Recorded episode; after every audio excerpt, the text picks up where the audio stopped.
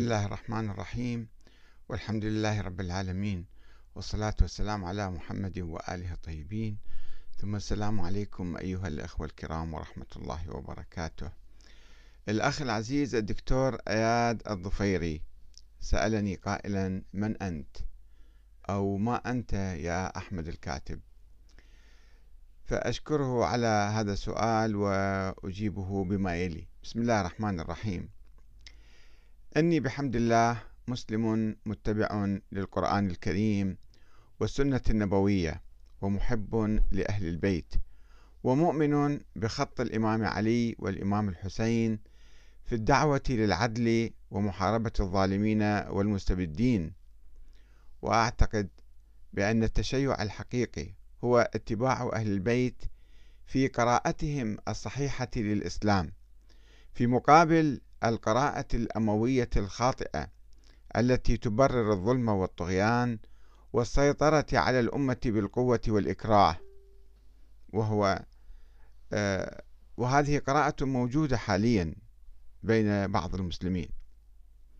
وأن التشيع ليس مجرد دعوى حب أهل البيت والسير على خطى الظالمين. دعوى حب أهل البيت وممارسة الظلم والطغيان. هذا ليس من التشيع. وبالطبع أنا لا أغالي بأهل البيت ولا أعتبرهم مصدرا تشريعيا إضافيا إلى جانب القرآن والسنة. وبالطبع لا أؤمن بأن لهم ولاية تشريعية فضلا عن الولاية التكوينية.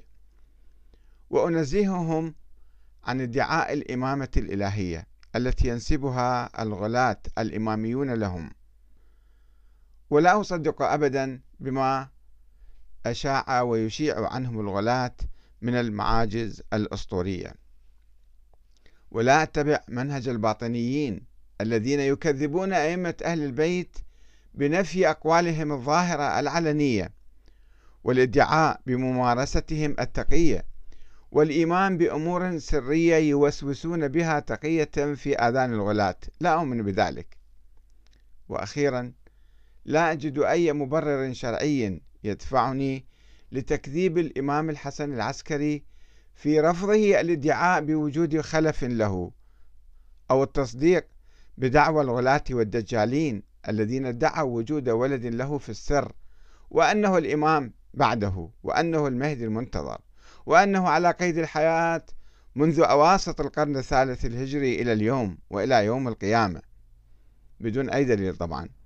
وأعتبر هذه الأسطورة مخالفة للقوانين الإسلامية الشرعية التي تمنع من نسبة أي ولد لأي إنسان دون علمه ودون اعترافه به ومخالفة لقوانين الحياة الطبيعية أن واحد مستمر في الحياة منذ ذلك اليوم إلى الآن.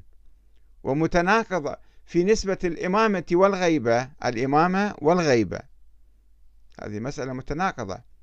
نسبة هذه الإمامة والغيبة إلى ذلك الولد الموهوم في نفس الوقت.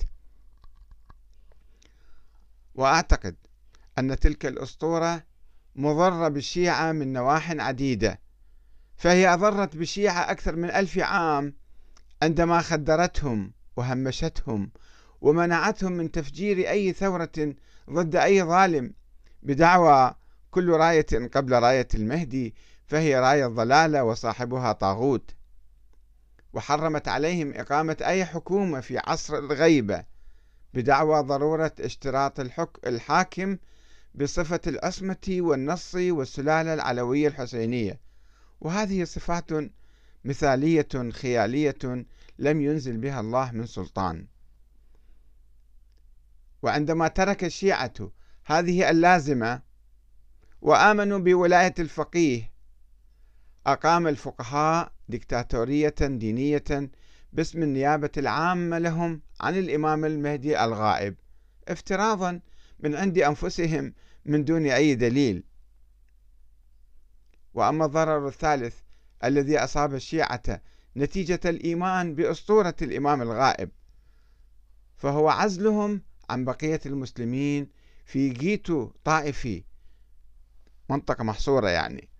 بعد تأليف العقيدة الاثني عشرية في القرن الرابع الهجري والتسبب في اتهام صحابة رسول الله يعني ما ترتب على الإيمان بالعقيدة الاثنى عشرية التسبب في إيهام صحابة رسول اتهام صحابة رسول الله الكرام باغتصاب الخلافة من الإمام علي واتخاذ موقف سلبي منهم إلى درجة السب واللعن وهو ما يناقض التاريخ الإسلامي الصحيح وموقف الإمام علي وأهل البيت مواقفهم الإيجابية من الصحابة ولا سيما أبي بكر وعمر والأسوأ من كل ذلك هو إبعاد الشيعة عن مبدأ الشورى والأمر بالمعروف والنهي عن المنكر والقيام بدورهم السياسي الطبيعي في انتخاب الحكام ومراقبتهم ومحاسبتهم وتغييرهم كما أمر الله تعالى.